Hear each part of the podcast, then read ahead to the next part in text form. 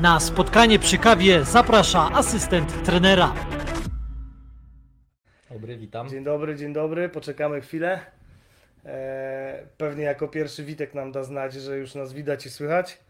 Moim gościem Przemek Łagoźny, mistrz Pol- Łago- Łagożny, przepraszam, a przez dłuższy czas No, we wszystkich folderach, które miałem z, w związku z Twoją osobą, z artykułami, czy nawet ze szkoleniem, pisałem Łagoźny. Nie pierwszy i nie ostatni raz witam w ogóle wszystkich serdecznie. Od szkoły podstawowej musiałem i świadectwa zmieniać i niektóre rzeczy w życiu też były Ja, zależne od ja miałem nazwiska, kiedyś także- przez samorzet papież. Też musiałem zmieniać i uczyć się nowego podpisu. Czyli podkreślamy, Przemek Łagożny, dwukrotny mistrz Polski No tak, tak, i zdobywca tak. Pucharu Polski. Dokładnie tak. Okej, zaczekamy chwileczkę y, na informacje od Was, bo zazwyczaj dobrze wiedzieć, że nas słychać. Y, Dzisiaj nie powinno być większego problemu. Dobrze ustawiliśmy mikrofon, donośne głosy posiadamy. E, Poczekamy. Mm, Dajcie nas znać, bardzo proszę. Czy już, czy już jest ok wszystko? No to korzystając z chwilki. Tak. Łyk kawy ja też, odpalimy? Ja też, żeby, żeby się nakręcić na działanie. Dobra, nie będziemy tracić czasu. Informacje na pewno zaraz e, dostaniemy. Przemek, e, cześć Paweł. Jak jest z dźwiękiem? Super, dzięki wielkie. Przemku, e, ta koszulka jest nieprzypadkowa tutaj. Pewnie wiesz dlaczego. No tak, tak, powiązana jest powiedzmy z jednym z wielu projektów, w których jakoś wspólnie w życiu uczestniczyliśmy, a mianowicie taki prezent ode mnie dla Was e, za warsztaty, za organizację, za pomysł, e, za ten cały dzień, który wtedy sp- Ci, spędziliśmy. którzy mają słaby wzrok, to spróbuję Wam pokazać to, co tu jest napisane. Widzicie? Bardzo fajna. E, to był właśnie temat szkolenia, które u nas przyprowadziłeś. E, to nasze spotkanie przy kawie nie ma na celu absolutnie e, jakiegoś tam, mówiąc po piłkarsku, pompowania, ale to było naprawdę bardzo dobrze odebrane szkolenie jednostopowych, które zrobiliśmy. Muszę Ci to powiedzieć, bo e, niedawno był tutaj Błażej Czyżewski, którego też przy okazji pozdrawiam i mnie osobiście bardzo się podoba, kiedy umiemy pochwalić drugą osobę, bo mamy z tym w Polsce ogromny problem. Kiedy trzeba komuś zwrócić uwagę, czy konstruktywnie skrytykować, to jesteśmy pierwsi, chociaż z tą konstruktywną to też różnie bywa. No, Najczęściej za, to... Zaprosiłeś eksperta telewizyjnego, także wiesz. Dobra, o tym też pogadamy. Ale to naprawdę było fajne szkolenie. Yy, Ta koszulka w sumie też nie jest przypadkowa, bo wiąże się. Czy La Liga to jest Twoja ulubiona liga? Zdecydowanie tak, to, to nie ma co ukrywać i też e, moje życie też przeplata się powiedzmy i z hiszpańską piłką i z ludźmi, którzy mieszkają, pracują, żyją w tym kraju, też biegle mówię w tym języku, dlatego też e, no jestem na bieżąco z rozgrywkami nie tylko La Ligi, ale nawet i młodzieżowych kategorii w Hiszpanii czy, czy drugiego poziomu, Ty także jesteś no, na bieżąco chyba i z ligą chińską, japońską i amerykańską i jeszcze jakąś. no tak, trener bez pracy musi coś robić, także Ale wiadomo. i jesteś teraz- ekspertem. y, I to, I to z tego co wiem, to, to często brałeś udział w komentowaniu tych nieoczywistych wcale spotkań, prawda? No dokładnie tak. Ja też tutaj nie chcę jakby, żeby wielki lukier wyszło nie wiadomo co, ale chcę też jakby podziękować i ekipie z Polsatu, przede wszystkim Bożydarowi Iwanowowi, jeżeli dobrze odmieniłem, może się nie obrazi, za to, że wyciągnął do mnie rękę, dał mi szansę sprawdzenia się po drugiej stronie i dla jego szefa, dla pana Mariana Kmity, że umożliwił mi, mi to, że ja dzisiaj nabrałem naprawdę cenne doświadczenie, jeżeli chodzi o funkcjonowanie w sporcie, funkcjonowanie w piłce z tej drugiej strony właśnie jako ekspert i komentator, bo sam nie miałem wyobrażenia o tym, jak to działa, a tak jak wspominałeś na początku, my wszyscy Polacy jesteśmy ekspertami piłkarskimi, lubimy oceniać kto co powie, kto jak się zachowa, każdy z nas jest najmądrzejszy, także to doświadczenie, jak to się przygotować do takiego wydarzenia, jak komentować, na co zwracać uwagę, świetna sprawa, także no cieszę się, że mogłem z tego skorzystać e, i mam nadzieję dalej będzie taka sposobność. Widzimy co jest na świecie, z dnia na dzień wszystko się zmienia, także e, jeżeli nic się nie wydarzy, no to za tydzień Liga Mistrzów wjeżdżam, będzie można posłuchać, ale e, tak, wracając e, tutaj do, do sedna i do tematu, no miałem okazję komentować, nazwijmy to egzotyczne dla Polaków rozgrywki, takie jak Liga Chińska i dla mnie to było świetne wyzwanie. Większość osób, zakładam, nawet nie chciała się tego podjąć, bo nazwiska, bo coś, a jak się dowiedziałem, robimy chińską, mamy w ogóle w Polsacie chińską? Dawaj, startujemy. Tam mnie jeszcze nie było, a, a ja jestem po prostu też otwarty na tego typu No wiem. wyzwania, e, więc no to była dla mnie frajda, a tym bardziej, że e, poziom tej ligi, bo też z mojego doświadczenia grałem w życiu trzy sparingi z chińskimi zespołami. Od pierwszego do trzeciego poziomu rozgrywkowego, też jak jeździłem na obserwacje, byłem na Cyprze kiedyś na obserwacjach e, i polski zespół mierzył się z Chińczykami, jak również e, dwa inne chińskie zespoły były, więc też obserwowałem jak to wygląda. No to skrótowo, nie ma co oszukiwać, wyglądało to 2-3 lata temu, że jak zaczęły się pojawiać te pieniądze, był boom na Chińczyków, u Chińczyków, no to zawodnik chiński miał podać nie do Chińczyka i nie przeszkadzać. No to teraz mogę powiedzieć po tej, po tym, nazwijmy to, nie wiem, 3-4 tygodniowym komentowaniu chińskiej Superligi do tej fazy playoff, no to zdecydowanie lepiej to wygląda, jeżeli, jeżeli chodzi o poziom Chińczyków i jeżeli chodzi o taki wpływ, organizację gry całego zespołu. No i nie ma co ukrywać, że przybysze Europejczycy, ale nie tylko, bo spora liczba Brazylijczyków też e, jest w Chinach i oddziałuje na ten, na ten sport i na ten rynek, robi swoje. No ja też lubię chińskie, mam taką fajną knajpę niedaleko e, mojego domu. Zresztą chyba byliśmy tam razem. Czy nie byliśmy nad balatonem? Tam byliśmy kiedyś w kawiarni. Nie wiem czy. No to musimy jeszcze pójść tam, bo... No ja też mam swoją ulubioną. No, z Legii musiałem zrezygnować, jak się dowiedziałem, że do książenic będzie wyjazd, a obok mój ulubiony bar kuchnia, więc jak A, ktoś, właśnie. ktoś będzie tutaj z Legii, to ja mówię, jeżeli w Fili nie będzie w książenicach, nie ma szans. Nie, Zrobią. nie jedziemy. Zrobią. Wiesz co, fajna rzecz mi się przypomniała a propos, y, a propos bycia ekspertem.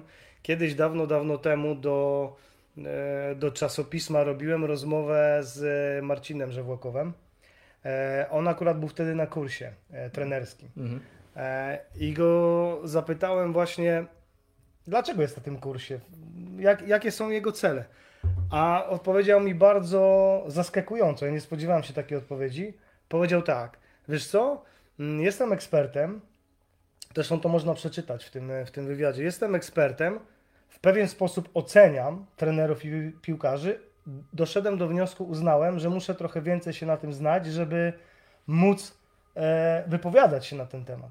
No i to pokazuje klasę człowieka. No. Prawda? Czy, czy Marcin, czy Michał Żewłakow, dwaj bracia, no kozacy, tak możemy o nich powiedzieć. I, jeżeli chodzi o taką relację międzyludzką, kontakt, y, no ja zdecydowanie bliżej poznałem Michała, bo też y, i jakby w czasie, kiedy on był dyrektorem sportowym, podpisywałem umowę o pracę w pierwszym zespole i prowadziłem jego syna wcześniej, także troszeczkę tych sytuacji było, żebyśmy mogli się poznać, no to to pokazuje, jakie to są inteligentne postacie i dobrze, że takie osoby e, wypowiadają się w telewizji i chcą się do tego przygotować, bo e, to też jest, e, No wiesz, można powiedzieć, mnie, taki... Mnie zaskoczył. Ja myślałem, że on powie, nie wiem, mam plany być trenerem. On niekoniecznie chce być trenerem, ale uważam, że jest mi to potrzebne do, do tego. Ale Ale to wiesz co, jest fajny wątek do zweryfikowania, ty to możesz zrobić, a może akurat jest słuchacz, bo miałeś gościa z Portugalii, wiem, że masz kolegę, który żyje w środowisku portugalskim, e, zaangażowany jest pozdrawiamy. Bartka. Tak, pozdrawiamy. Ja słyszałem, to jest po prostu ze słuchu, nie chcę mówić, że to jest prawda na 100%, ale kolega będzie mógł potwierdzić, że w pewnym okresie w Portugalii, żeby być dziennikarzem sportowym zajmującym się piłką nożną, ocenianiem zawodników w gazecie typu Abola, czy w największych portugalskich e, programach telewizyjnych, musiałeś mieć minimalne papiery, jeżeli chodzi o trenerskie wykształcenie, aby znać język, żeby znać strukturę, posługiwać się profesjonalnym słownictwem i Kurczę, był ale taki to wymóg. dobre jest. To jest rewelacja. Wiesz, Ja słyszałem, zobacz- że tak jest. Nie wiem, czy, czy to prawda. Gdzieś tam, oczywiście, w tym świecie internetu taka informacja wpłynęła do mnie i to dawno temu, i powiedziałem sobie, no super. Taki kurs w Polsce, nie wiem, PZPNC kosztuje, zakładam, 1000-1500 zł, a jakby to wzbogaciło słownictwo osób, które mówią o piłce. Okej, ale chcę teraz szybko zmienić temat, bo będziemy tu zmieniać tematy, bo tu jest dużo ciekawych wątków. Zacząłeś mówić też o obserwacji, e, jak na przykład obserwowałeś te zespoły i mówiłeś o Cyprze. Dużo na ten temat rozmawialiśmy wiele razy, ale mnie szalenie interesuje. To może być pytanie prostackie. Jak wygląda wyjazd na taką obserwację? Od A do Z, nie wiem, wsiadasz w samolot, y, wszystko sobie organizujesz sam, czy coś masz tam zorganizować. Jak to wygląda? I, I później jeszcze chciałbym w drugiej części tego pytania, żebyś nawiązał do pewnego garnituru, bo to jest bardzo, ciekawa, bardzo ciekawy wątek. No dobra, yy, to też jest uzależniony wyjazd na obserwację. Zakładam, że Ciebie interesuje bardziej taki wyjazd zagraniczny, tak? Bo jak powiedzmy Tylko i mieliśmy... wyłącznie, tylko i wyłącznie. W Polsce trzy- my nawet byliśmy razem kiedyś, zdarzyło nam się. Tak, tak, tak, w Gliwicach. W Gliwicach, tak. E, to też jest y, coś, co uważam za mega cenne doświadczenie moje, jeżeli chodzi o pracę w Legii. Coś, co mnie też bardzo ukształtowało pod kątem właśnie tych zagranicznych wojaży, bo oczywiście środowisko jest prześmiewcze. Trzy razy nie weszliśmy do fazy grupowej, męczyliśmy się na Gibraltarze i wszędzie dramat, zak- zakopać, zaorać stadion, zamknąć, zasiać ziemniaki. No ale dobra, ktoś tak z tego Zasadzić. odbiera. Ziemniaki się sadzi. No, to jeszcze przede mną, to doświadczenie dopiero przede mną. Nie, no może chociaż gdzieś no, w jakimś e, tym e, bardzo takim odległym kraju, a wiem, że lubisz podróżować, czemu nie w wolnej chwili? Dokładnie. Ale dobra, wracając do sedna. No ale właśnie, te trzy próby wejścia do, do Europy wiązały się naprawdę z egzotycznymi wyjazdami, no bo patrząc pierwszą drogę, był Kazachstan, była Mołdawia, była Finlandia, Wyspy Alandzkie. E, w drugim podejściu e, była, był Kork, była Słowacja, Trnawa, później był Luksemburg, a ja byłem, powiedzmy, nie byłem z drużyną w Luksemburgu, bo byłem w Rumunii, bo jeżeli byśmy wygrali i byśmy grali następny mecz z Kluż, no to trzeba było być też do tego przygotowanym. No i ta ostatnia droga, która powiedzmy taka najbardziej ciekawa, e, czyli Gibraltar, e, później Finlandia Kups, później Atromitos w Atenach i Glasgow. E, więc to jest na pewno uzależnione od tego, w jakie miejsce jedziemy. Czy to jest duże miasto, czy nie, kraj, te wszystkie zasady.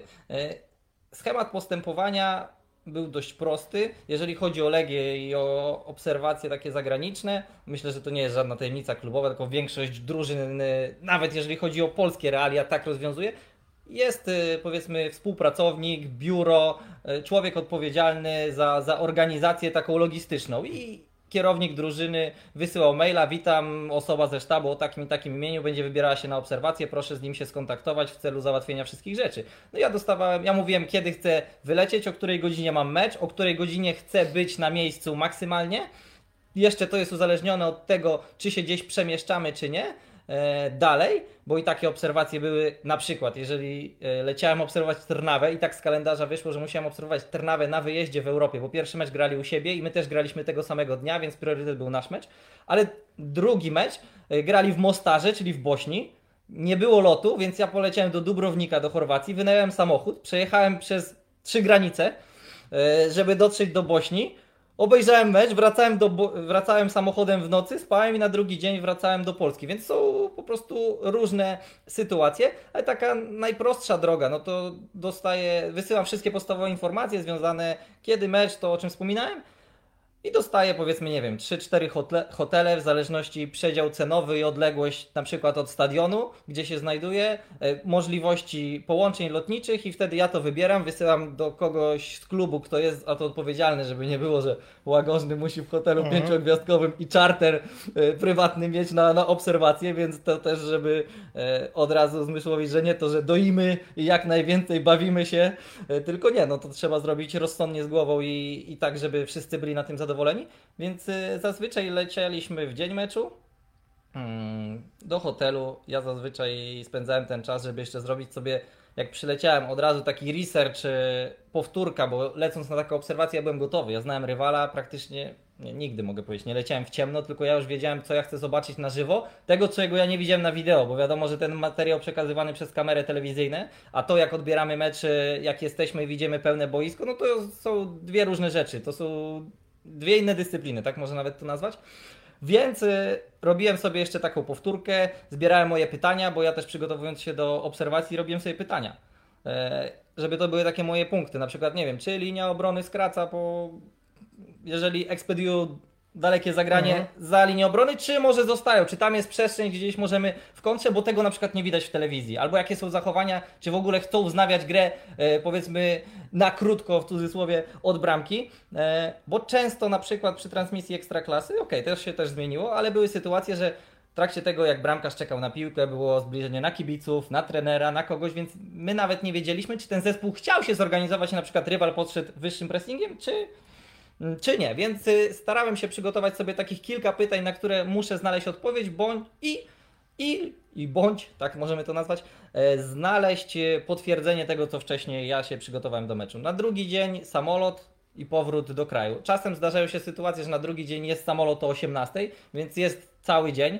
Ale zazwyczaj ten dzień spędza się na tym, że musisz rano przerobić ten materiał, który widziałeś, żeby być przygotowanym, że przyjeżdżasz do klubu i, i zdajesz No relację. właśnie, w jakiej, jest... w jakiej formie zdajesz wtedy taką relację po, po obserwacji? No to najlepszy przykład był y, z samej obserwacji praktycznie nie z jednego meczu. Ja przygotowywałem projekt Rywal. No to najlepszy przykład mieliśmy na warsztatach, gdzie z racji tego, że Wuko wyraził zgodę, żeby Ciekawe, pokazać... czy ktoś jest z nami, kto był na tym szkoleniu. Jeżeli jest, to, to, to odezwijcie się, bardzo proszę. żeby właśnie skorzystać z tych materiałów, co przygotowywaliśmy dla drużyny, żeby zobrazować uczestnikom i to też jest szacunek dla trenera, że nie chowamy wszystkiego do szafy, tylko podzielmy się i pokażmy jak to wygląda. E, No to to było w najlepszej formie. Jeżeli to chodziło o mecze europejskie, to był to raport podzielony na część dla trenera, dla zawodników, indywidualne, statystyczne, opis tego, co jest wideo i do tego później materiał wideo, który ma odzwierciedlenie w tym, co wcześniej zostało opisane. No to to jest powiedzmy mm, najbardziej profesjonalne i taka najcięższa, żmudna robota, jeżeli e, oczywiście to jest też z kim pracujesz, z jakim trenerem, jaki jest moment sezonu, czy mm, trzeba aż tak szczegółowo zagłębiać się w danego rywala, bo to, że ktoś mówi, że trzeba obejrzeć 7 meczów wstecz, nie spać przez 3 tygodnie, bo inaczej meczu się nie wygra, ja w to nie wierzę. Mm, Wierzę w ciężką pracę i trzeba się temu poświęcić, ale musisz znaleźć też balans między tym wszystkim, bo zwariujesz. E, dlatego zazwyczaj to po prostu była taka forma opisowa, plus do Mhm. tego fragment wideo. No dobra, to ile meczów wstecz warto obejrzeć, jeżeli chcesz e, wypracować sobie jakiś pogląd i móc przygotować taki raport? No I- nie, mówimy o tym meczu, co Okej. jedziesz, tylko o E, W realiach Ligi Polskiej, w której ja pracowałem i mogę się do tego odnosić, to ja oglądałem trzy mecze, trzy mecze danego zespołu, to już uważałem, że to jest... I z tych trzech meczy starałem się, żeby być e, na jednym... Meczy, meczów. Meczów. Meczy to krowa, kiedyś mnie tak poprawili na studiach, to trzeba, trzeba tutaj przypomnieć, że ta edukacja nie poszła w las. E, z tych No trzech... wiesz, jesteś komentatorem, zresztą to słychać. Ja pierwszy raz mam takiego gościa, który jednocześnie komentuje, to jest świetne. Człowiek orkiestra. Tak, ale tych to- ziemniaków brakuje, żeby Ale trochę coś na roli porobić. Nie, spoko, ziemniaki zorganizujemy, to nie jest problem z ziemniakami, także. No, e, więc trzy spotkania. Z tych trzech, jeżeli widziałem jedno na żywo i później z odtworzenia, dla mnie to był wystarczający materiał, żeby poznać ligę, w której ja pracuję, albo inaczej, znać dogłębnie zespół, w którym pracuję. Nie oszukujmy się. Praktycznie w każdym zespole masz kolegów, czy ktoś ze sztabu pracuje tam, czy zawodnicy się znają. No, środowisko jest małe. Do tego jesteśmy wychowani, oglądamy ekstraklasy, oglądamy wszystko, więc chcąc nie chcąc ten natłok informacji do nas wpływa. Może my tego tak na co dzień nie pamiętamy, ale stanęlibyśmy, że trzeba coś powiedzieć o Koronie Kielce. Strzelam.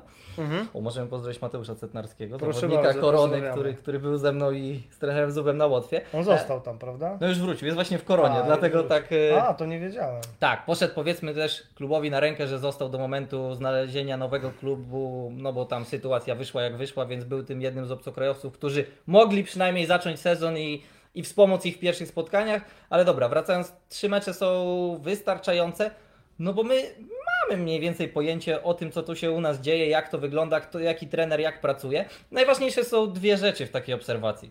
E, My obserwując rywala, musimy wiedzieć, czy my obserwujemy i my wiemy plan meczowy tego rywala, czy my y, znamy generalnie model, powiedzmy, zachowań danego trenera, który chce zaimplementować zespół, bo może się zdarzyć tak, że i to nie jest żadną ujmą, że dany zespół adaptuje się pod grę rywala, bo chce wygrać i chce troszeczkę zmienić swoje nawyki, bo e, może wykorzystać słabości przeciwnika. I my obserwując możemy stwierdzić, że to jest prawda objawiona i rywal będzie tak grał. A okazuje się, że to były konkretne zmiany, które miały na celu e, zostać prowadzone tylko na to jedno konkretne spotkanie i później idą do szafy, wracają do swojego. Więc to jest bardzo ważne, żeby wyłapać, czy te mecze, które ty obserwujesz, to to jest model gry trenera, czy to jest plan meczowy na konkretne spotkanie. A powiedz mi, zdarzyła Ci się taka sytuacja przez tych kilka lat, które pracujesz jako trener analityk, e, że wpadłeś w jakąś taką pułapkę, że, że właśnie zaobserwowałeś coś, co, co było na przykład przypadkiem albo, albo, albo właśnie zmyliło e, obraz. e, Wiesz co, nie miałem takiej sytuacji, że przez to na przykład straciliśmy bramkę, albo to zaważyło na wyniku spotkania, więc nie przypomnę sobie idealnie takiego danego Mhm. momentu.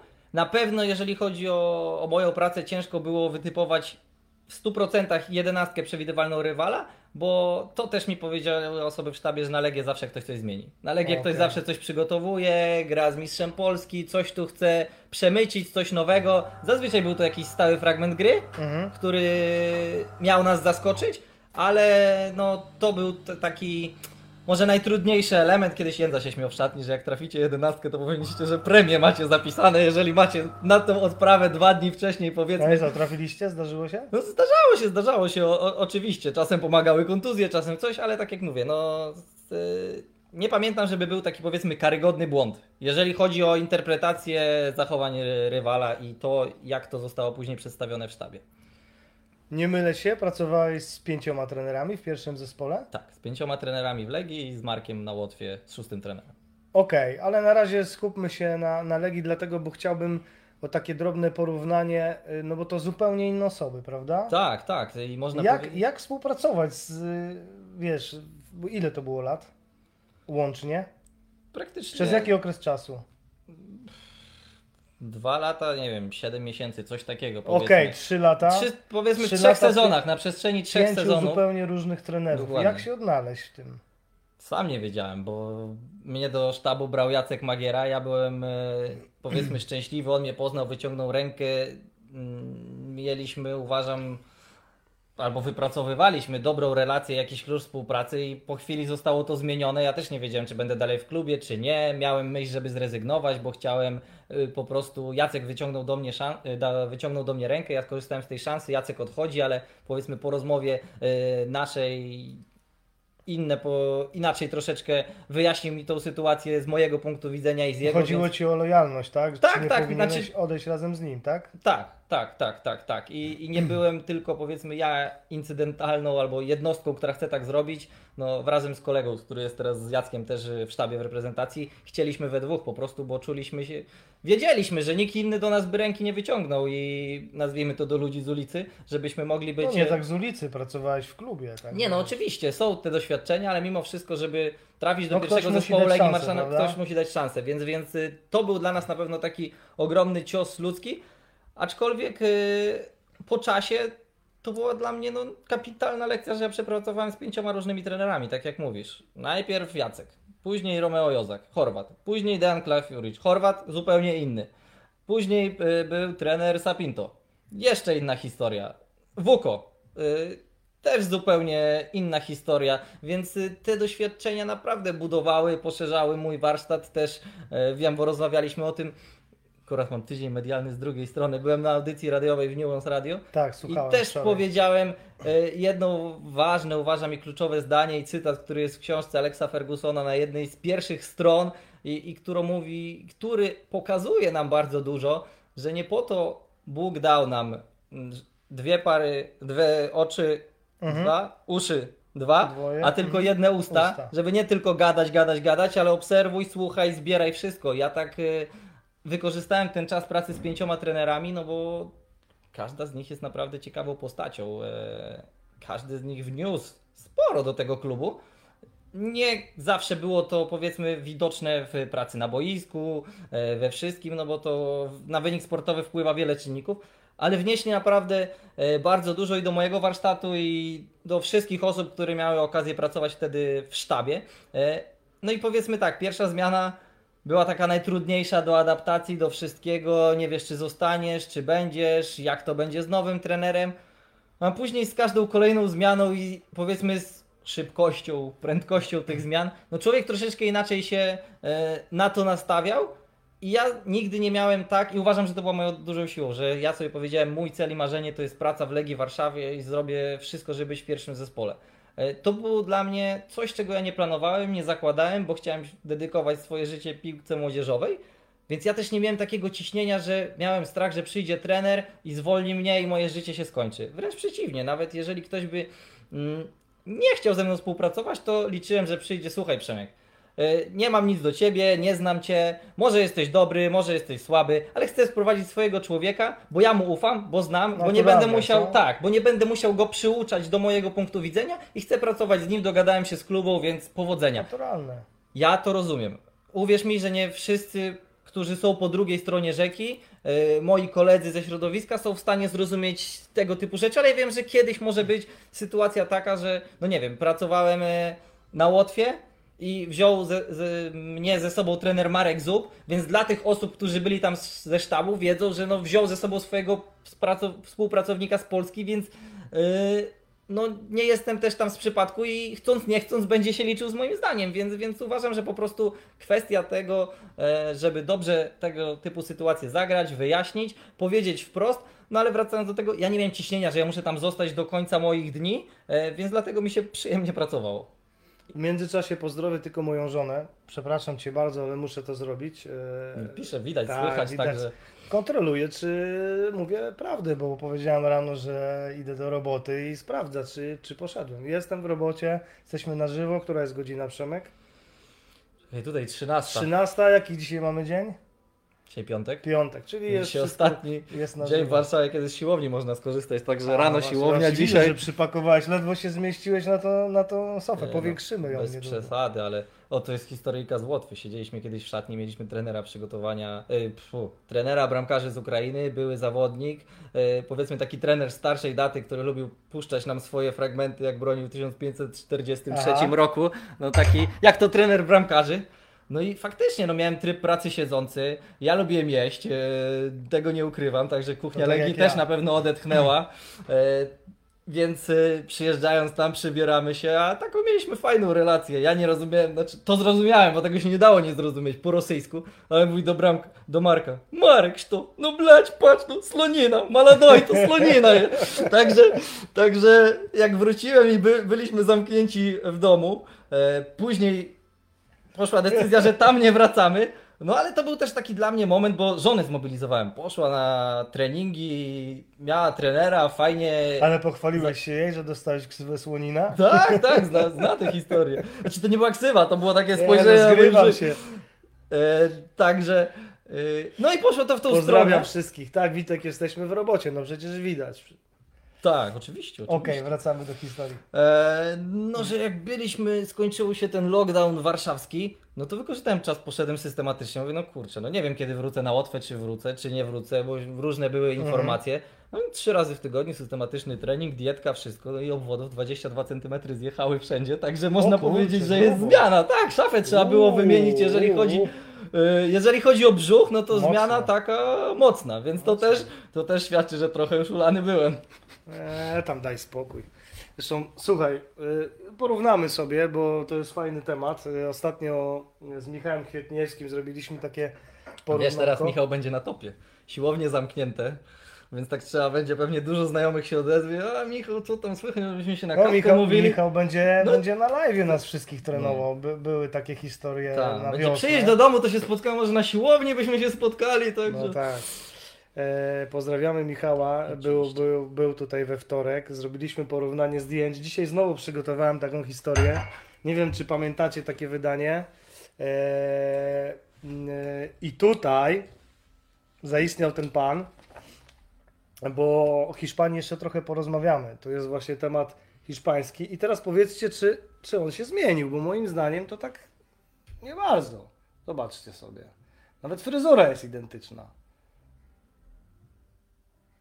Nie wiem, co Także powiedzieć. wiesz, no co- Zostawmy to do oceny Zostawmy innym. to do oceny. Kobiety się pewnie wypowiedzą od razu, e, ale, e, ale też poruszyliśmy ten temat z Michałem. Wiesz, że to jest kurczę nie przypadek, że jak ja teraz sobie te wcześniejsze wydania otwieram i patrzę na, na twarze, to większość tych ludzi pnie się w górę.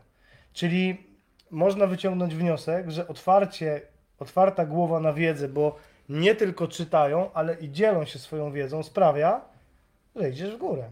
I fajnych, fajnych wiele nazwisk. Kurczę, ja ci przeczytam twój podpis tutaj. No dobrze. Drugi trener U17 Legia Warszawa. Trener U11 Legia Warszawa. No i tam, że współpracowałeś z Malagą, byłeś na stażach za granicą i tak dalej. Minęło trochę czasu. Dwukrotny mistrz Polski, zdobywca Pucharu Polski. Pracowałeś na Łotwie, co prawda krótko, ale to nie, jakby nie, nie mieliście na to wpływu, bo sytuacja była przedziwna. Krótko, ale powiem Ci, że w tym okresie czasu, biorąc pod uwagę, że był i wirus i pracowaliśmy zdalnie i tam i tworzyliśmy drużynę, doświadczenie, które ja zdobyłem przez te miesiące, jest dla mnie bezcenne w perspektywie życia. To jest jeden największy minus tego. Wiesz jaki? Nie zdążyłem do Was pojechać. No, słyszałem, że się wybierasz, także Wybierałem się, chociaż mówiliśmy, że jeszcze nie jesteście gotowi, żeby chwilę poczekać, bo tam naprawdę było sporo pracy do zrobienia. E, Okej, Przemek, e, to jest też bardzo ciekawe, bo mnóstwo mitów u nas krąży, jeśli chodzi o pracę za granicą i o pracę w akademiach, w drużynach młodzieżowych. Czy, bo ty miałeś taką okazję, 6 miesięcy pracowałeś w Maladze? tak, wstępnie miałem tam zostać No okej, przynajmniej 6 rok, miesięcy życie to już, jest, to już jest trochę. To nie jest Mhm. y, tygodniowy staż, tylko to jest praca. Powiedz mi, czy rzeczywiście obsypali cię kasą jako trenera młodzieżowego, czy rzeczywiście zarabiałeś kupę forsy? Nie, no nie ma szans. Y, Jeżeli ktoś zna... Wiesz tak- dlaczego o to pytam? Hiszpański trener w akademii zarabia gorzej niż polski trener. Może nie powinienem tego Ale mówić. dlaczego nie o tym nie mówić? E, Przestańmy... Inaczej, struktura organizacji pracy, jeżeli chodzi o kraj Hiszpanię, myślę do dnia dzisiejszego, bo teraz znam więcej osób, które są na co dzień w piłce seniorskiej. Oczywiście ci trenerzy, co pracują dalej w Maladze, która jest teraz w ciężkim położeniu, jeżeli chodzi o całą strukturę klubu, no to, to, to wiem w jakich realiach się obracają. Ale no, generalnie jest struktura taka, że pracujesz na pół etatu. Rano jesteś, nie wiem, e, nauczycielem wychowania fizycznego, pracujesz na lotnisku, jesteś trenerem personalnym, kimkolwiek, a po południu jesteś trenerem piłki nożnej. I tak to wygląda. A jak, jak można e, dostać się do tego poziomu już, żeby żyć tylko i wyłącznie z piłki? W Hiszpanii? Myślę, że to jest podobne wszędzie. Yy, inaczej, droga hiszpańska, to co mi mówili dyrektorzy akademii, dyrektorzy sportowych, sportowi, to jest taka, że te najzdolniejsze jednostki prędzej czy później albo pójdą w swoją drogę ścieżką seniorską, będą chciały gdzieś się przebijać, bo też wiedzieliśmy, myślę, albo to jest też taka wiedza powszechna, że Hiszpania no, wykorzystała bardzo dobrze moment, miała też bardzo dużo wyedukowanych y, trenerów, że w każdym regionie można było robić uprawnienia UEFA Pro i w Maladze na przykład w Akademii, jeżeli ty chcesz być pierwszym trenerem w roczniku piłki 11-osobowej, musisz mieć licencję UEFA Pro. Nie zatrudniali trenera na stanowisku pierwszego trenera U13, jeżeli ty nie miałeś Pro.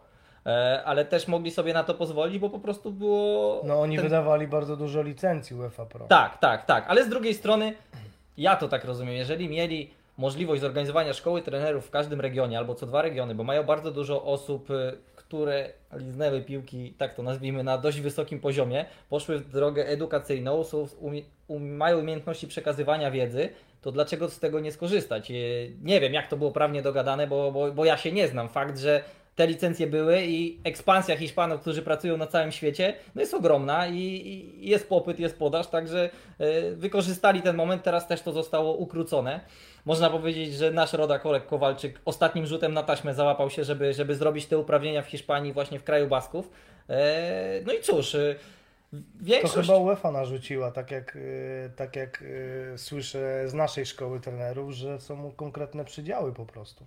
Że Pewnie to, tak, pewnie tak. Ja nie no znam... ja też nie wiem e, 100%, tego. to tylko taka dygresja. Tak, ale wracając, motywacją tych e, chłopaków, powiedzmy młodych trenerów, było albo żeby załapać się do pracy z byłym piłkarzem, bo wtedy, jeżeli bierzecie do sztabu, to się, kolokwialnie rzecz ujmując, wjeżdża na trochę inne realia, trochę inne życie i, i też inne pieniądze.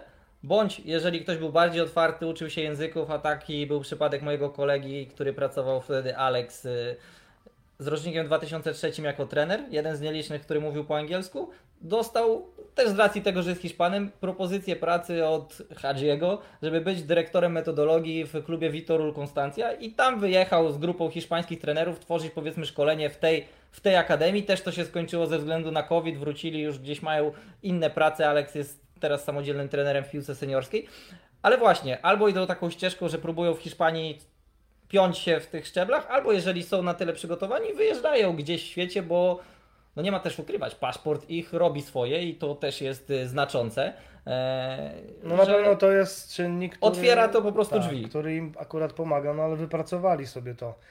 Czyli to nie było tak, że jak pracowałeś na takim poziomie, to na przykład mówiłeś, że za takie pieniądze to ty nie będziesz się przykładał, bo jakbyś zarabiał dwa razy więcej, o to wtedy byś dobrze pracował. Nie no, za grosz bym pojechał powiedzmy, bo jeżeli dyrektor klubu otwiera przede mną bramy, przyjeżdżam, sprzęt czeka, wszystko jest. y, Ja jeszcze pomogłem im rozwiązać pewne kwestie, bo też było, była sytuacja, że nawet jeden z Polaków mógł pracować w Leganes. ale mm, problem był, pamiętam, jeżeli chodzi o sprawy ubezpieczenia, o sprawy y, związane z, nie wiem, czy to jest u nas jako karta pobytu, różne powiedzmy takie komplikacje prawne, no to też, żeby ułatwić tą procedurę, no to mi się udało też dobrze poszukać, żeby wykorzystać też projekty studenckie, nie ma co ukrywać. I dzięki temu, że ja byłem już, nie byłem studentem, ale byłem jeszcze tym wczesnym absolwentem, Dzięki temu, że byłem studentem Akademii Wy- Wychowania Fizycznego, że są różnego rodzaju projekty zagraniczne,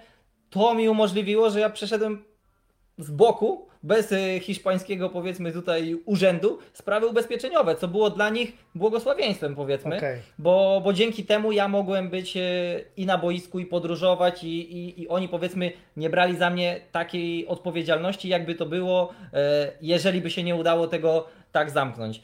E, Więc mówię, no to pół roku było dla mnie poświęcone na naukę, to pół roku było dla mnie tak zorganizowane, że ja rano byłem na treningu pierwszego bądź drugiego zespołu bardziej jako taka atrakcja, bo świadomie, mentalnie nie byłem gotowy, y, żeby albo się udzielać, albo mm, rozumieć to, co się dzieje i to też trzeba sobie jasno powiedzieć.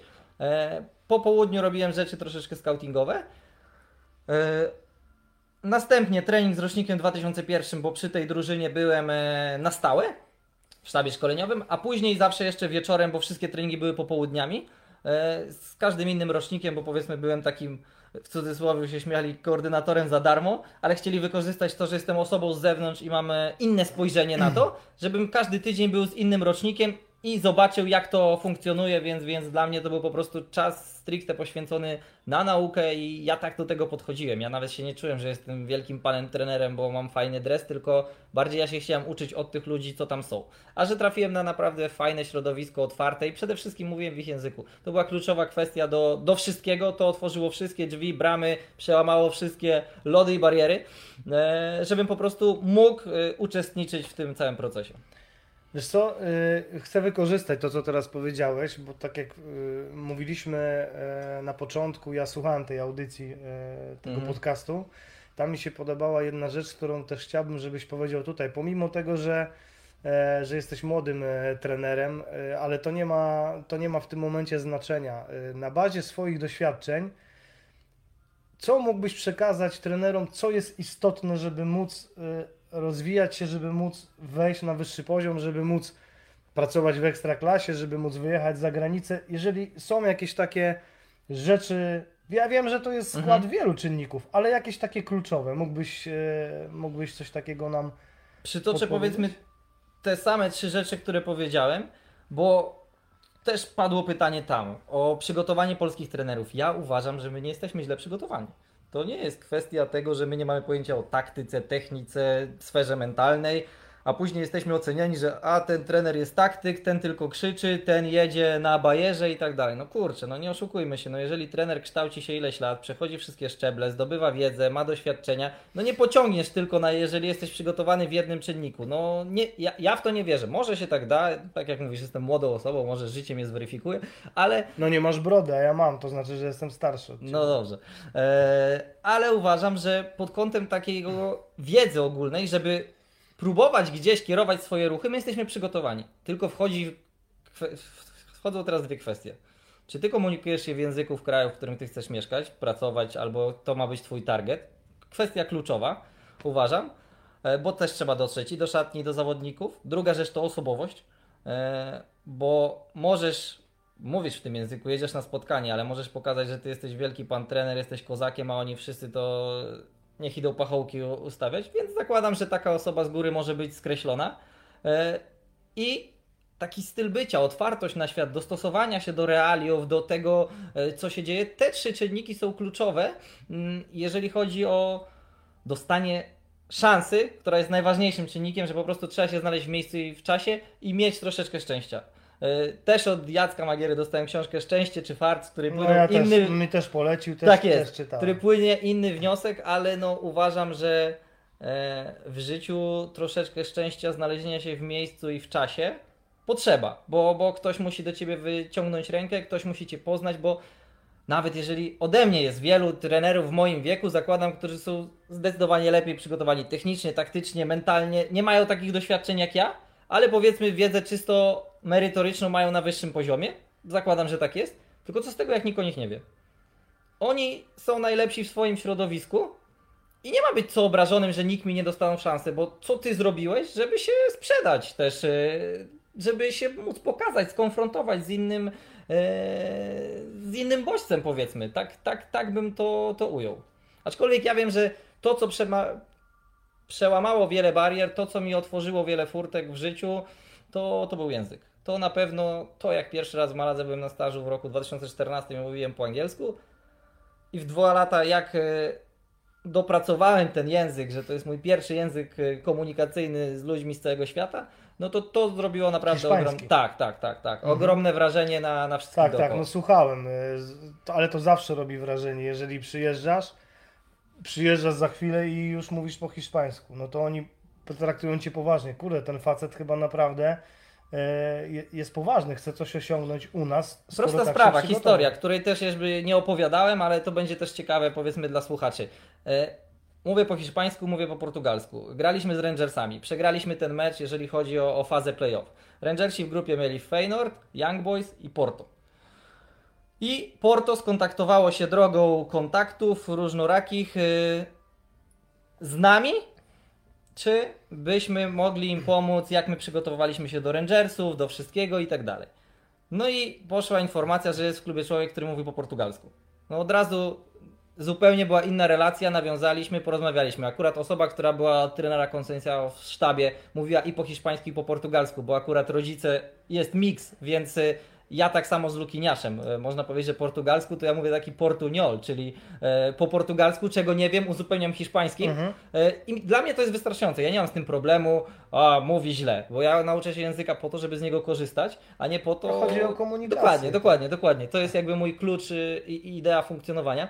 E, więc ja pomogłem Porto, mówię do Wuko, słuchaj, no jest taki, taka sprawa, jest kontakt, czy my możemy, nie wiem, e, w pewnym stopniu pokazać, co my robiliśmy, wysłać im mecz z kamery taktycznej, żeby sobie sami mogli przeanalizować i tak dalej. Wuko mówił, okej, spoko, nie ma problemu, masz zgodę, że, że to nie jest samowolka i ja coś wysyłam, bo, bo to też e, no, trzeba wziąć takie rzeczy pod uwagę.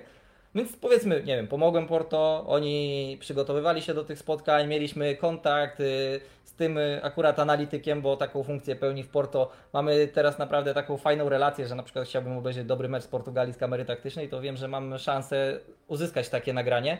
E, No i dobra, skończyli fazę grupową, skończył się sezon, zdobyli mistrzostwo, wysyłają koszulkę w prezencie za podziękowania, za pomoc i tak dalej, więc takie rzeczy, że ty mówisz w jakimś języku, jesteś w stanie nawiązać z kimś relację, zbliżyć się do kogoś, uważam, że, że są bezcenne i to może się w drobne rzeczy typu koszulka piłkarska przeistoczyć, a dzięki temu też wiem, że ktoś mnie spostrzegł w innym kraju. Skoro jesteśmy przy Glasgow, chciałbym Cię zapytać o historię pewnego garnituru. A no tak, tak, tak, tak. Ta historia też już e, ujrzała światło dzienne. E, Jeżeli chodzi o w ogóle projekt Rangers e, i nasz dwumecz z tym rywalem, no to byłem osobą, która. Bo my pracowaliśmy w dziale analizy, to trzeba powiedzieć z Maćkiem Krzymieniem. Więc Mhm. e, nasze obowiązki. Maćka pozdrawiamy Oczywiście. oczywiście. pozdrawiamy. Maciek wczoraj do mnie mówi, kurde, ty to w tym tygodniu z lodówki wyskakujesz. Mówi, tu radio, tu coś, tu nagranie, także, także pozdrawiamy go. I sytuacja, bie- bierzemy pod uwagę tak, jest losowanie, patrzymy kalendarz, kiedy, z kim grają, gdzie, jak jesteśmy w stanie obserwować, mm, co się dzieje. No i mówię, dobra, jest szansa, pierwszy mecz, grali w Danii z Midtjylland, jeżeli dobrze wymawiam nazwę zespołu. No nie mówisz jeszcze po duńsku? Nie, nie, po duńsku nie. Dla masz- mnie, powiedzmy, jeżeli chodzi o polskie środowisko i podpowiadałem kilku osobom, które e, robią różnego rodzaju audycje piłkarskie, że uważam, że kapitalny materiał można zrobić e, z panem Liskiewiczem. Jest to osoba, która mówi po węgiersku, po fińsku, bardzo kulturalna, oczytana, odpowiada za kształcenie Dwa arbitrów. konkretne języki, co? Tak, tak, takie trudne za arbitrów, za rozwój w Armenii. To Tak. są rzeczy, które powiedzmy mnie tak bardzo interesują i pociągają i, i uważam, ja nie znam pana Lickiewicza, ale no szacunek. Dobra, dobry pomysł mi podsunąłeś. E, Na i- gościa do kawy. No i wracając do tego Glasgow, no pierwszy mecz z my mamy Atromitos, więc po pierwsze, my nie wiemy czy przejdziemy Atromitos. Yy, Też tam zakładaliśmy, że mimo wszystko Rangersi w- będą tym zespołem, który z tej pary awansuje do fazy playoff, więc mówimy nie, odpuszczamy, zobaczymy co będzie po naszym pierwszym meczu. I tak się kalendarz ułożył, że bodajże trzy kluby wtedy z Aten brały udział w kwalifikacji europejskich pucharów. AEK, Atromitos, bo to też jest klub z Aten i Olympiakos. I ze względu na to, że te mecze kwalifikacji Ligi Europy zawsze są w czwartek, to musieli jakoś tak rozdzielić kalendarz, że my za Tromitosem graliśmy w środę. Żeby każdego dnia, w, chyba w Atenach był tylko jeden mecz piłkarski. Był wtorek, środa, czwartek, e, te rundy kwalifikacyjne. Więc zobaczyliśmy, ej, no jest szansa. Ja to sprawdziłem sobie sam od razu. Jest szansa z Aten dotrzeć do Glasgow na, na obserwację. Więc mówię, Wuko, słuchaj, zrobimy tak i tak kupimy bilety lotnicze, poprosimy o, o, bilet. Jeżeli będzie szansa i my awansujemy, będziemy wiedzieli dzień wcześniej, że awansowaliśmy, no to ja bym poleciał od razu z Aten do Glasgow i byśmy mieli tą obserwację na żywo. No więc to przeszło. Tak to wyglądało. No i ja lecę sobie spokojnie. Międzylądowanie było jeszcze w Chorwacji. Doleciałem, nazwijmy to, na 3 godziny przed meczem do Glasgow. Y, mam zasięg z powrotem w telefonie, patrzę, nie wiem, 7 telefonów, 3 maile, 4 wiadomości na WhatsAppie. Mówię, mecz odwołali czy co? Pisze kierownik, y, pisze człowiek y, z klubu, który też odpowiada za kontakty międzynarodowe. Proszę szybko o kontakt to i tamto. No i dzwonię do Konrada Paśniewskiego. Mówię, co się dzieje, Konrad? Mówi, masz garnitur? Ja mówię, no nie. Co, co masz za sobą? Mówię, no jeansy takie trochę przetarte. Mówię, no bluza z kapturem i tyle. No i kurde, no właśnie Rangersi wysłali zaproszenie na mecz i jak sprawdzili, że jest osoba z Legii, to chcą zaprosić do loży, do, do honorowej loży, na kolację, na wszystko, tylko mówię, ja sam zapomniałem przecież jak e, z selekcjonerem latałem na mecze do Anglii, no to tam obowiązuje po prostu dress code w garniturach. Mówię, dobra, bierz taksówkę, jedź do sklepu, kup garnitur, ubierz się i idź na to spotkanie. No i tak było, że, że trzeba było szybko na wariata załatwić to, żebym e, miał garnitur, żebym wyglądał odpowiednio i, i pójść naprawdę też na fantastyczne wydarzenie i to też będzie takie moje e, jedno z mega wspomnień związanych z Legią, to, że zobaczyłem jak wygląda organizacja taka meczowa, jeżeli chodzi o przyjęcie gości e, można powiedzieć w wydaniu Premier League, no bo te kluby Celtic czy Rangers, no to to jest zdecydowanie poziom otoczka i wszystko, tak jak to ma miejsce w angielskiej najwyższej klasie rozgrywkowej. No i wiele takich też miłych sytuacji, że jak dowiedział się tata e, Heteleja, byłego piłkarza Piasta Gliwicy, że jest ktoś z Legii, to znalazł mnie, przyszedł, przywitał się, mówi, a zobaczyłem, Miłe, że jest, tak, tak, że, że jest człowiek z Legii, chciałem poznać, pogadaliśmy, pośmiał się, się mówi, że e, uśmiechał się, że no w tamtym sezonie to kibicował synowi, że jak walczyli z nami o mistrzostwo, to tak ta Legia do boku i wszystko, mówi, no teraz z Rangersami też nie będę wam kibicował, no bo to też e, żywa legenda tego klubu, tak trzeba e, nazwać tą osobę, były napastnik bodajże chyba jeszcze AS Monaco i Milanu, e, więc to było takie fajne zachowanie. Bardzo dużo osób tak gościnnie przyjęło. Był to taki zamknięty krąg, więc zjedliśmy wspólny posiłek, porozmawialiśmy. No super, jeżeli chodzi o takie przyjęcie, to, to życzę każdemu, żeby miał szansę przeżyć e, takie wydarzenie, bo, bo naprawdę dla takich chwil warto było pójść do Legii na wolontariat, żeby po iluś latach przeżyć e, takie wydarzenie. No dobra, y, mnie to tak jak powiedziałem Ci wcześniej, bardzo interesowało, jak wyglądają te wyjazdy i tak jak opowiadasz, to naprawdę jest fajna przygoda, e, dużo podróży, fajnych miejsc. Dlaczego chcesz wrócić na boisko? Chciałeś, tak? No bo ta jednak praca związana z, z analizą sprawiła, że na boisku raczej byłeś mało i, i e, i nawet było tak, bo często mi mówiły, że jak wygraliście gdzieś, to ty w tym czasie byłeś w innym miejscu, bo już y, obserwowałeś przeciwnika. Tak, było to zależne od kalendarza. Zazwyczaj, znaczy też to się zmieniało pod kątem sezonu, trenera i wszystkiego. Dosz, w większości trenerów priorytet był nasz zespół, więc w trakcie naszych zespo- y, na meczów y, naszego zespołu, na początku tylko domowych, później też wyjazdowych, robiliśmy tą analizę na żywo, żeby w przerwie już zaprezentować czy zawodnikom, czy sztabowi y, odpowiednie fragmenty z rzutu tego panoramicznego w szatni, bo mieliśmy do tego stworzone warunki, więc z tego korzystaliśmy, to był priorytet, ale no zgadza się, było sporo obserwacji, było sporo wyjazdów, Sztab Legii jest liczny, biorąc pod uwagę realia ekstraklasy, można powiedzieć, że jest europejski. E, no więc tej pracy boiskowej było naprawdę niewiele i była to też zależna od woli trenera, od, od wszystkiego. Okres taki dla mnie na pewno fajny to w momencie, kiedy Wuko e, został trenerem e, pierwszego zespołu, przejmując po trenerze Sapinto, to na następny dzień ja wyszedłem z nim na boisku, bo już też znał moją wartość jako człowieka, wiedział co ja mogę przekazać, co zaprezentować, więc też ta moja rola na pewno już była wtedy e, zdecydowanie bliższa, koszula bliższa sercu i czułem się zdecydowanie lepiej w tej, w tej sytuacji. Z Jackiem Magierą pomysł na moją osobę też był zupełnie inny, bo miałem troszeczkę innymi rzeczami zajmować się na boisku i analizą, ale życie napisało swój scenariusz, więc ja chciałem przede wszystkim I to też mi powiedział, e, będąc e, na spotkaniu z dyrektorem Akademii Piłkarskiej Atletico Madryt, Javierem Vidaleszem, e, że to jest moja siła, biorąc pod uwagę wiek, że ja dotknąłem piłki z różnych stron. Mówi, ty widziałeś, byłeś trenerem w Akademii w Polsce, w Hiszpanii, byłeś scoutem, pracowałeś z analizą, pracowałeś w seniorach, w dzieciach, w tym. Mówi, to jest dla Ciebie kapitalne doświadczenie, które otwiera Ci wiele możliwości, wiele horyzontów. I ja tym się kierowałem i wiedziałem, że temat analizy to nie jest coś, czego ja chcę się wyzbyć, nie lubię tego robić, nie chcę i nie wiem, moje ego jest podrażnione, bo jestem nazywany analitykiem, a nie panem trenerem. Nie, ja chciałem po prostu zdobyć nowe doświadczenie. Wiedziałem, że tak jak mówimy, merytorycznie jestem do tego przygotowany, żeby pójść w drogę trenerską. Nie mam problemu, jeżeli chodzi o budowanie relacji międzyludzkich, zwrócenie uwagi czy zawodnikowi, bo to też yy, uważam, że trzeba w odpowiedni sposób robić, yy, na pewne aspekty, dlatego wiedziałem, że jeżeli przyjdzie taka sposobność, a już wcześniej przychodziły, jak pracowałem w Legii Warszawa, e, od innych trenerów, czy nie zechciałbym pójść e, w ścieżkę trenerską, ale ja też się do tego spokojnie przygotowywałem, bo ja nie miałem pośpiechu, to nie było tak, że przebierałem nóżkami tylko kiedy coś będzie, żeby pójść na boisko, jest i to już to. Nie, ja wiedziałem, że tu można się wiele nauczyć, ale przyszedł taki moment, że ja poczułem, ok, w tej dziedzinie, w tej strukturze, w tej organizacji ja nauczyłem się wszystkiego, co w tym momencie mnie rozwija jako człowieka,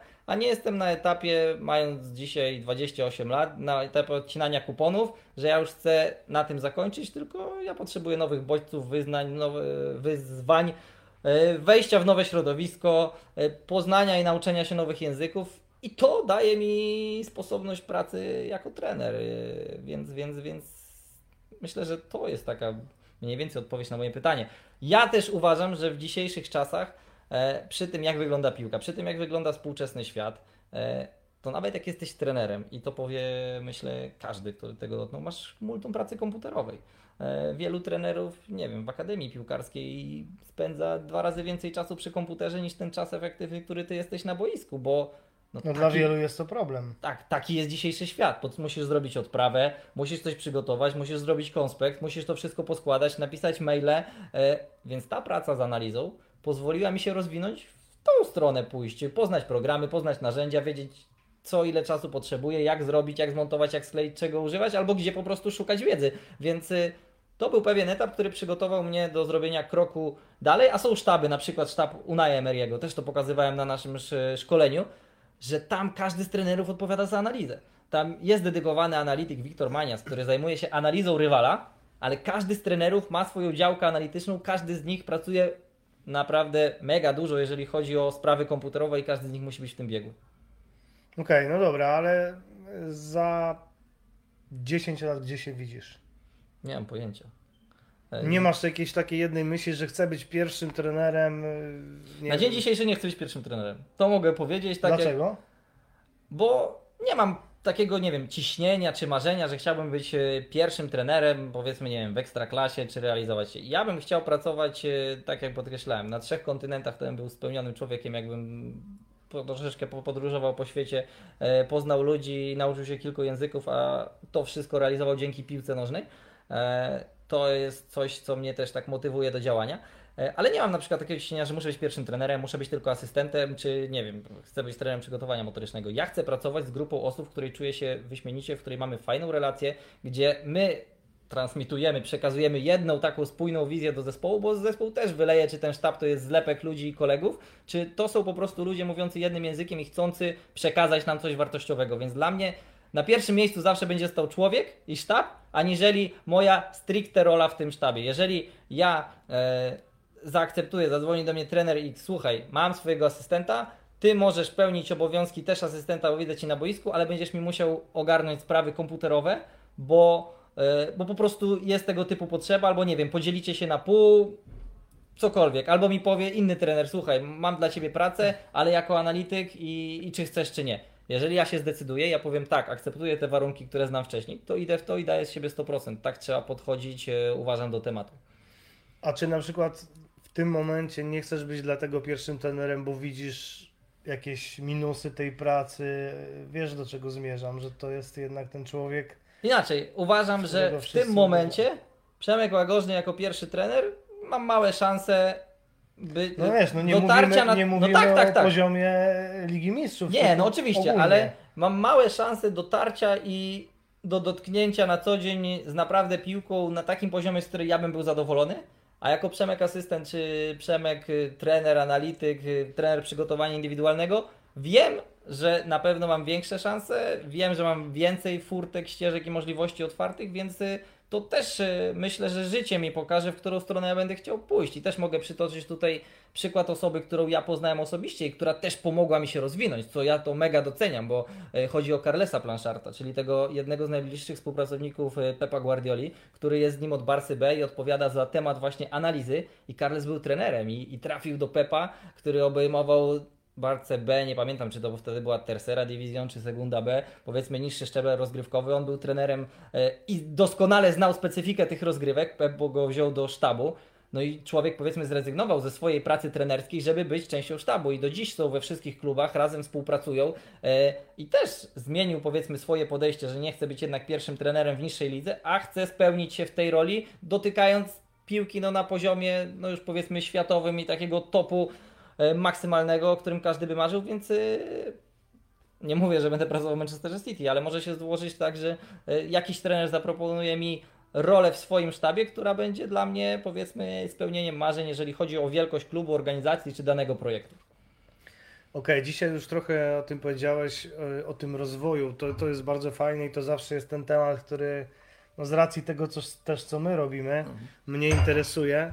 E, e, jak uważasz, czy, e, czy trener, który chce pracować w seniorach na wysokim poziomie, e, powinien przejść tą ścieżkę od, od piłki dziecięcej, młodzieżowej, czy nie powinien?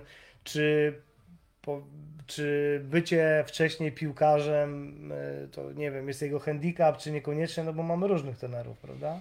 Ja myślę, że każdy człowiek pisze swoją własną historię. Takiej jednej drogi, utartego schematu nie ma. Teraz widziałem, że w mediach pojawiło się, że Moder, nasz nowy piłkarz, który nowy, tak można powiedzieć, nowy dla szerszej publiki, e, który naprawdę moim zdaniem zagrał bardzo fajne mecze w reprezentacji, pokazał się z fajnej strony. Wzorowe budowanie kariery, Lech, wypożyczenie, pierwsza liga, pierwszy zespół, to, to, to. Ale no uważam, że każdy zawodnik to jest oddzielna historia i tak samo każdy trener czy każda osoba to jest yy, no, inny rozdział, tak to nazwijmy. E, ja na przykład cenię sobie to doświadczenie, które zdobyłem będąc w strukturach Akademii Piłkarskiej Legii Warszawa. To, że przeży, przeżyłem kilku koordynatorów, też Andy Sazimowicz, czyli obcokrajowy, pół Polak powiedzmy, pół Mhm. Anglik, ale też z tym spojrzeniem angielskim, które... No doświadczyłem tego spojrzenia, zaraz Ci to opowiem. No, który starał się u nas zaszczepić.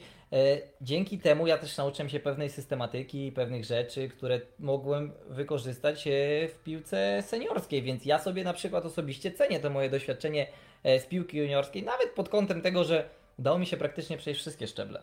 E, Jeżeli chodzi o pracę z no, tą najmłodszą piłką, która wtedy nie miała rozgrywek, ale graliśmy po pięciu, siedmioosobowa, dziewięcio, jedenasto, piłka seniorska, więc też widziałem jak te dzieciaki zmieniały się, jak były boiska dla siódemek, kto miał przewagę, nagle boisko dla dziewiątek i nagle ci zawodnicy, co kolokwialnie brakowało im mapy, bo biegali z piłką i nagle byli za linią końcową, przeżywają swoją drugą młodość w wieku 12 lat, bo te przestrzenie otwierają im zupełnie nowe możliwości, mogą zaprezentować się e, zupełnie inaczej. E, Więc te takie małe doświadczenia i moje wnioski z tego płynące uważam, że mi pomogły nawet pod kątem e, tego, że później ci zawodnicy gdzieś trafiają do piłki seniorskiej i, i to też te pewne rzeczy, które przenosili z młodzieżowej, jaka jest różnica. Mm, Osobiście cenię sobie ten etap. Są trenerzy, z którymi też ja rozmawiałem, że chcesz być w piłce seniorskiej, poświęć się od razu, lepiej Trener być... Czesów na przykład. Tak. Tak Tre, trener Zub bodajże też e, miał takie zdanie, że lepiej wcześniej zadedykować się do piłki seniorskiej i tam szukać swojej ścieżki, aniżeli przez, e, przez akademię i piłkę młodzieżową. Tego akurat nie wiem, ale od trenera Marka Zuba ja kiedyś usłyszałem e, takie zdanie, które dla mnie było bardzo ważne. To były nasze początki. E, kiedy ja e, zaczynałem e, właśnie pracę, zaczynałem, zaczynaliśmy, bo oczywiście nie możemy tu zapomnieć o Grześku Gromackim, którego też pozdrawiamy z tego, z tego miejsca. Zaczynaliśmy to robić, ale jednocześnie obaj, bo, bo również Grzesiek, Grzesiek jeszcze grał w piłkę, trenował dzieci. Ja dostałem propozycję trenować seniorów w niższej lidze, przygotować ich do sezonu i tak dalej. I spotkałem się z Markiem Zubem. I mu to opowiadam. Trenerze, ale oni mi chcą dać 1000 złotych, będę miał 1000 złotych więcej. On siedzi, dobrze go znasz, wiesz jak się w jaki sposób się wypowiada. Ja to uwielbiam u niego akurat. Siedzi, tak się patrzy na mnie, uśmiecha się, mówi: Powiedz mi, ty chcesz być trenerem, czy chcesz robić czasopismo? No ja chcę robić czasopismo. To skoncentruj się na tym, co chcesz robić. Jeżeli będziesz łapać te wszystkie rzeczy, niedobrze. I akurat y, tego, y, to, to jest troszeczkę inny temat, Mhm. o którym ty mówisz, ale wiesz, to warto od ludzi takie informacje y, czerpać, słuchać, tak jak powiedziałeś na początku. Dwie, dwoje uszu, tak? Słuchajmy ludzi, e, bo to jest ważne. Ale jeszcze jedna rzecz, w międzyczasie powiedziałeś coś ultra mega wa- ważnego jak dla mnie. Wiesz co? Powiedziałeś o tych, o piłce 5, 7, 11 osobowej, jakie to jest ważne, żeby zbyt wcześnie nie skreślać dzieci. Bo na przykład w pięcioosobowej piłce dane dziecko nie odnajduje się, bo ma takie cechy, które wypłyną w piłce, nie wiem, siedmiu, dziewięcioosobowej, tak jak powiedziałeś, otworzą się przestrzenie i nagle się okaże, że to jest super chłopak, bo on akurat y, ma ten, tendencje czy, czy, czy jakieś tam predyspozycje do bycia super skrzydłowym. No ja taką miałem właśnie sytuację, gdzie jakby, broń Boże nie krytykuję, ale już pracując w pierwszym zespole, dzieciaki, które prowadziłem by w siódemkach wtedy grały, e, są na dziewięcioosobowej, przychodzi do mnie dumny dziadek, a widział treneru, trenera, tu ten nie grał, a tutaj jest najlepszym zawodnikiem i tak dalej. Mówię i bardzo się cieszę, kibicuję mu z całego serca, żeby tak samo dobrze sobie radził w jedenastkach i we wszystkim. To nie jest tak, że my nie widzimy, że zawodnik ma jakieś predyspozycje, ale to też trzeba umiejętnie tym wszystkim wachlować, żeby nie zabić tych cech, które mogą się okazać kluczowe, jak nagle za pół roku zmieni się boisko. E, więc y, my na przykład mieliśmy tak, że zawodnicy wszyscy mieli wymierzony czas gry i grali praktycznie porówno. Byli rodzice, którzy to akceptowali, byli, którzy się denerwowali, że no 7,5 minuty 15 i syn schodzi, bo wchodzi zawodnik słabszy, wiadomo, każdy na to w patrzy. danym momencie słabszy. Tak, tak, tak, tak, tak. Ale tak było to zrobione, żeby nie zabijać tych jednostek, żeby każdy mógł się pokazać, zmienia się boisko i nagle zmienia się całkowicie hierarchia w zespole. E, Więc no to są takie sytuacje życiowe, tylko z drugiej strony, patrząc teraz z perspektywy rodzica. Może ja nie jestem rodzicem, ale wyobrażam sobie albo pytałem, jak to widzą inni, no to zazwyczaj rodzic przechodzi taką samą drogę jak dziecko. Trafia do klubu i przechodzi edukację. Bo on nie wie skąd ma wiedzieć, jak to się jest, jak to ocenia i tak dalej. Patrzy też przez pryzmat emocjonalny, więc on też powiedzmy rozwija się z kategorią, w której rozwija się Ja dziecko. ci powiem, jak on patrzy. On patrzy tak. Gramy mecz z inną drużyną i trener w danym momencie zdejmuje z boiska najlepszego zawodnika, wstawia słabszego. Nie wygramy. Przegramy, nie będzie wyniku. I on nie, nie, nie rozumie, że Dramat. Bez zdjęcia na Facebooku z pucharem. No kurczę. Okej, y, jeszcze była, był temat Endiego Sasimowicza. Y, A, no tak, Przypomnę tak, ci, tak. wiesz, akurat tak się, tak się zdarzyło, że to był okres, kiedy my zaczynaliśmy. E, I tu też była bardzo duża nauka dla mnie. E, akurat dla mnie, bo, bo, bo ja byłem bezpośrednio, jakby poznałem Endiego, Grześka przy tym nie było, dlatego mówię jednoosobowo. I, I wtedy doświadczyłem tego, co do dziś e, podkreślam w każdej rozmowie i w, i w takich różnych sytuacjach, że wydaliśmy pierwszy numer. Ja z tym pierwszym numerem właśnie między innymi poszedłem do Endiego. E, nawet tam była rozmowa chyba z nim. E, w pierwszym albo w drugim. Chyba w pierwszym. I właśnie to jest to, co ty mówisz. Pół, pół Anglik już tak naprawdę mentalnie. Wiesz, jaki jest odbiór? Wow, super, świetna robota. Jak ci mogę pomóc? To jest rewelacja. Jaki jest odbiór u nas? Po co? Nie uda się, nikt tego nie będzie chciał. I tym niestety się różniliśmy wtedy i jeszcze wciąż się, się, się różnimy, ale ja to zapamiętałem.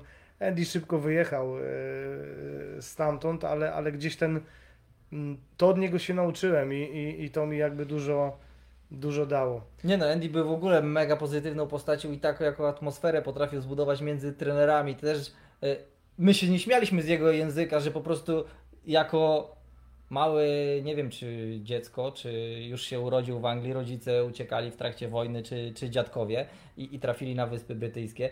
Ale no to taki kolory dodawał, no to teraz trenerzy idziemy na szkołowanie, więc to było takie naprawdę fajne, a do tego z takim jego akcentem, no to my czuliśmy naprawdę taką fajną więź i to co budował w Legii Ekstra. Dodając Ci jeszcze historię, y, jak wspominałeś o tym artykule, w którym y, akurat ja pisałem o sztabie szkoleniowym wtedy juniora starszego Malagi, Mhm. E, zdjęcie sztabu szkoleniowego, akurat tutaj w barze spotkaliśmy się obok boiska treningowego, no to jest obecnie pierwszy i drugi trener pierwszego zespołu.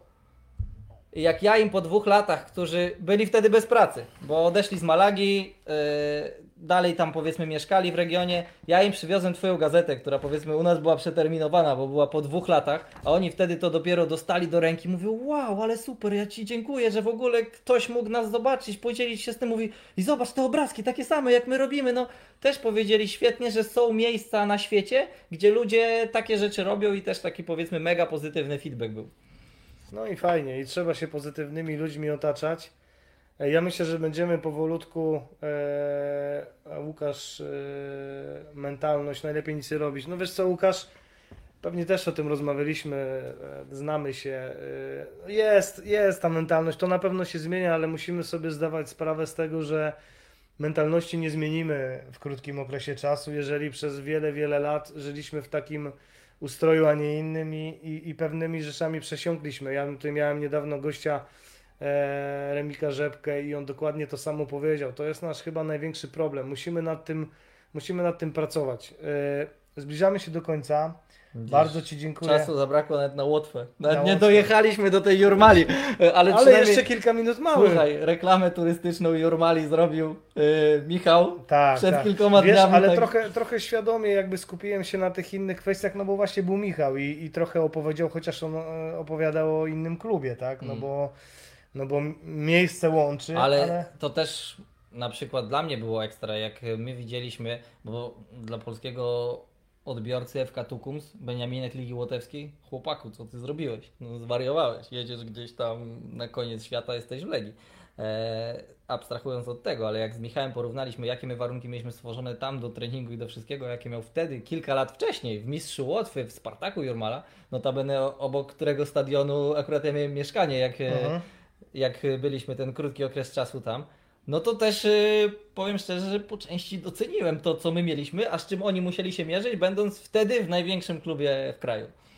No to jest niesamowite, a y, wiesz, tak jak powiedziałem, troszkę z, z rozmysłem jakby y, mniej czasu poświę Mhm. poświęciłem na to, no bo był Michał, ty też mówiłeś o tym dużo w tej audycji, kto będzie chciał, to sobie ją odsłucha, ale być może rzeczywiście to będzie dobre, dobre podsumowanie, żeby znowu e, jakby to jest nasza rozmowa przy kawie, możemy mówić co chcemy, Ale dobrze, że tutaj Witkowi się podoba. Witkowi To- się podoba pewnie. To miłe na pewno. E, I, i chcę, chcę też tutaj wspomnieć osobę trenera Zuba, bo ty często to podkreślasz i to jest bardzo fajne, co robisz, bo trener jest taką osobą, która sam z siebie nie, niekoniecznie chce sprzedawać, że mało Polaków pracowało za granicami, a to jest facet, który niżej trzeciego miejsca nie zszedł. No nie, nie, nie, no ja... Jak ktoś mi powie, że nie wiem, że to był Kostana i Kazachstan to jest słaba liga, no to znaczy, że się nie zna na robocie. Nie ma pojęcia, no. Ile, o, ilu trenerów w Polsce, nie wiem, wygrało trzecią ligę. I to też ktoś, kto pracuje na tym poziomie stwierdzi, że nie jest łatwo Mówisz o wygrać... Chinach, tak? Nie, mówię trzecią ligę polską. A, okej. No to nawet biorąc pod uwagę jakiekolwiek rozgrywki, to nie jest łatwo w piłce seniorskiej A, zdominować. mówiłeś, mieliśmy pozdrowić Dawida, jeżeli już jesteśmy przy trzeciej lidze. A, no to możemy oczywiście Dawida Kroczka pozdrowić.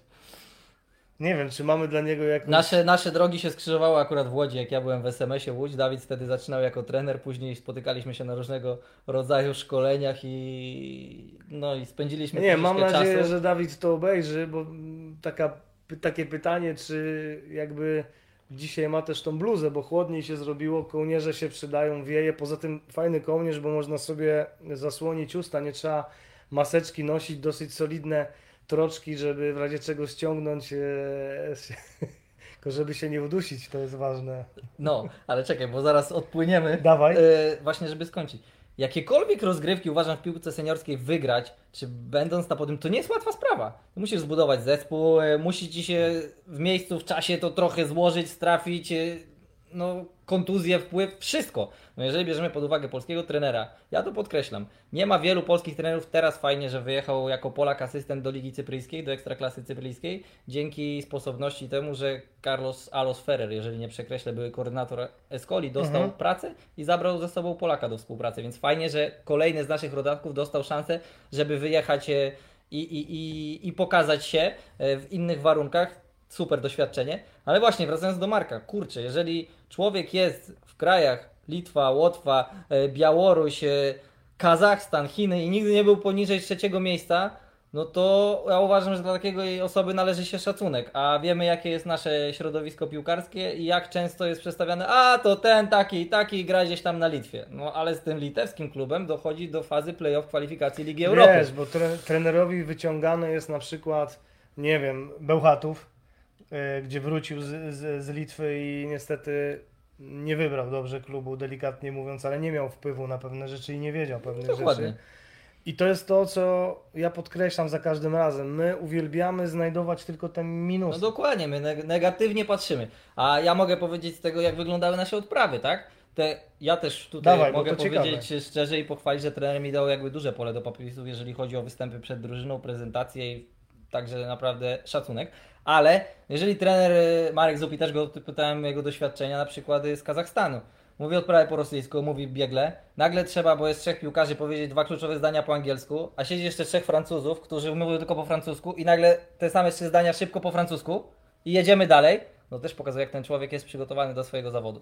No tak, zna kilka języków, to prawda i myślę, że trochę u nas trochę wyprzedził epokę e, parę, parę lat temu, bo wtedy trochę inny był też e, ten, e, mm, jak to się mówi, Zapotrzebowanie, rynek. wizerunek A. trenera, trochę inaczej był trener, jakby ten, uciekła mi, ucie, uciekło mi słowo, ale chodzi o to, że on nie wpisywał się w ten, w ten taki standardowy wizerunek trenera, a cieszę się, że że, że w ten sposób jakby też, też e, umożliwił Tobie rozwój, bo Tobie o to chodziło. w- Oczywiście, w tym- oczywiście. tym No, możemy śmiało powiedzieć, że no też maczałeś tym palce e, po części. Można powiedzieć, że jesteś ojcem chrzestnym tego projektu, że my dotarliśmy finalnie na Łotwę, bo prawda była taka, że no, nasz kontakt z trenerem Markiem Zubem e, narodził się dzięki Tobie. Wiesz, to okej, E, być może ktoś inny... ale ale to też nie było tak, że, że Ty powiedziałeś trenerowi, że ja istnieję.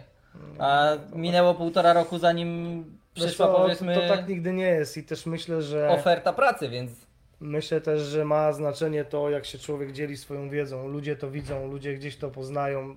Y, Twoja, y, ty pracowałeś w Legii Warszawa, to też jest jakby rzecz, która, która ma znaczenie dla potencjalnego, e, potencjalnej osoby zainteresowanej twoją, tobą, bo, bo może cię po prostu zobaczyć już, już, już wie.